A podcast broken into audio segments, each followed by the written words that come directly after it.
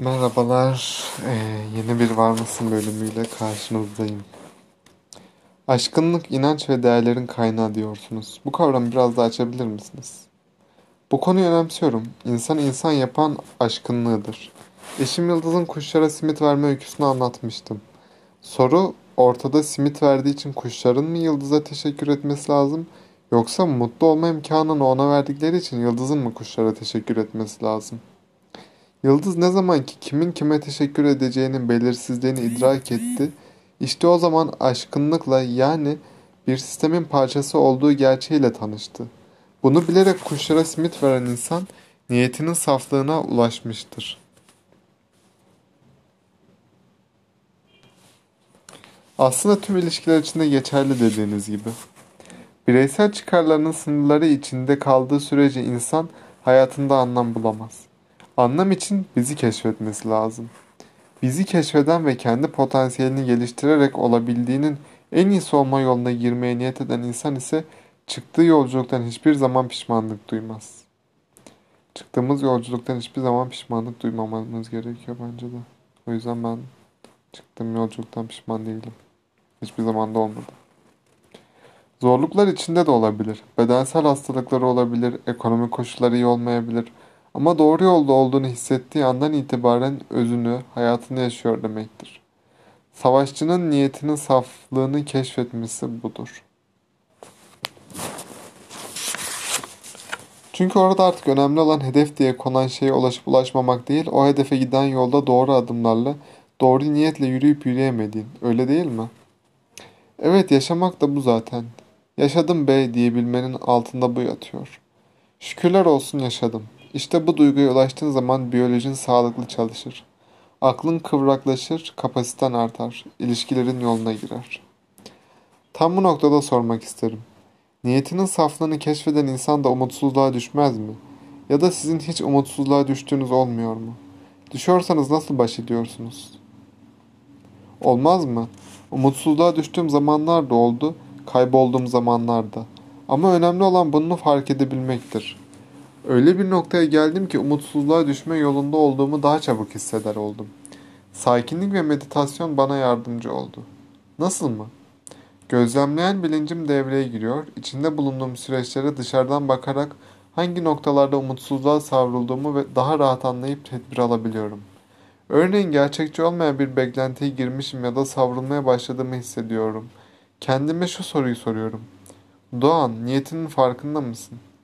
Zaten niyetimi sorgulamaya başladığımın aslında bu gidişe bir dur diyorum. Eğer ben bilinci bir içinde bir niyetse süreç ister istemez umutsuzluğa yönelecek. Çünkü ben çıkara özgürlüğümü esir almış. İster istemez tıkanacağım. Bunun kaçarı yok.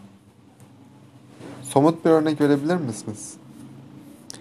Diyelim ki eşimle bir, bir kırgınlık yaşamışım. Kendimi reddedilmiş hissetmişim. Bu da bana güçsüz, dikkate alınmayan bir koca olduğumu hissettirmiş. İçimde bir kazan kaynamaya başlamış. Bu ilişkiden bir şey çıkmayacak, sonumuz iyi değil.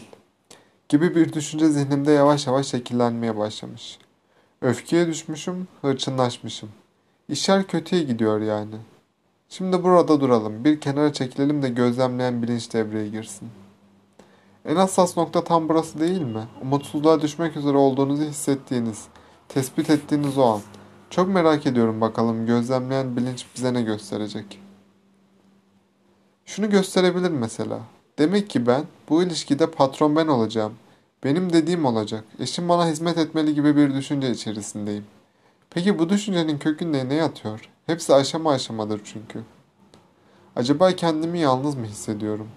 Niçin kaybolmuş vaziyetteyim? Ve o kaybolmuşluğun içinde ne yapacağımı neden bilemiyorum? Tüm bu sorulara hep sadece ben var, biz yok. İşte bunu fark ettiğim zaman içinden, içimden kendime Doğan dur diyorum. İyi olan doğru olan bu değil. Bu sana yakışmaz. Sana yakışacak olan neyse bir düşün bakalım. Keşfet onu. Bu düşünce sistematiği içinde bir fırsatını bulup eşime bir kahve içmeyi teklif ediyor ve kahveyi yapıp onunla sohbet ediyorum. Sana teşekkür etmek istiyorum diyorum. Ama kolay değil.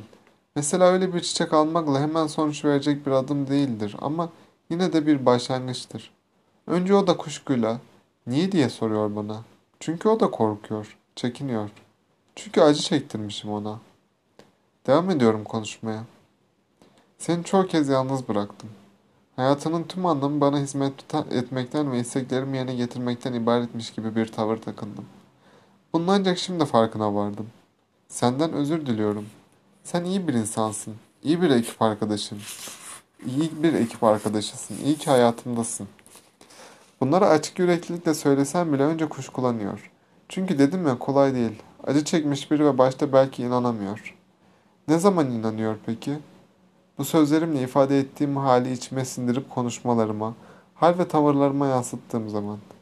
İşte o zaman o da gardını indirmeye başlıyor. Burada önemli olan bir nokta daha var. Neyi söylediğim kadar nasıl söylediğim de önemli.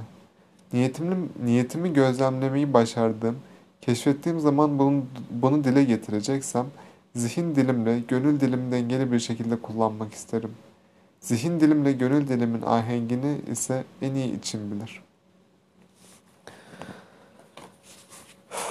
Keşke bu satırları daha önce okuyup daha önce hayatıma geçirebilseydim. Belki bazı pişmanlıkları yaşamazdım kendimdeki. Ama insan kendim açıkçası eksik biriyim ve bu eksikliklerle çıkılan yollarda kazalar yaptım. Keşke bu kazalarda kendim yaralanmış olsaydım sadece ama maalesef öyle de olmuyor. Çünkü bir ekip halinde yola çıkınca o ekiptekiler de zarar görüyor. Ama umarım artık kendimle bir şekilde meseleleri halledip anca o zaman ekip olmaya hazır hale gelir ve ona o insana zarar vermemiş olurum. Birinci gayem bu olacak. Ve bir şekilde daha iyiye gittiğimi hissediyorum açıkçası. Daha geniş bir perspektiften bakabildiğimi hissedebiliyorum. Ama bunu hal ve hareketlerime tamamen entegre etmem gerekiyor. Evet, beni dinlediğiniz için teşekkür ediyorum. Kendinize çok iyi bakın. Umarım çok iyisinizdir.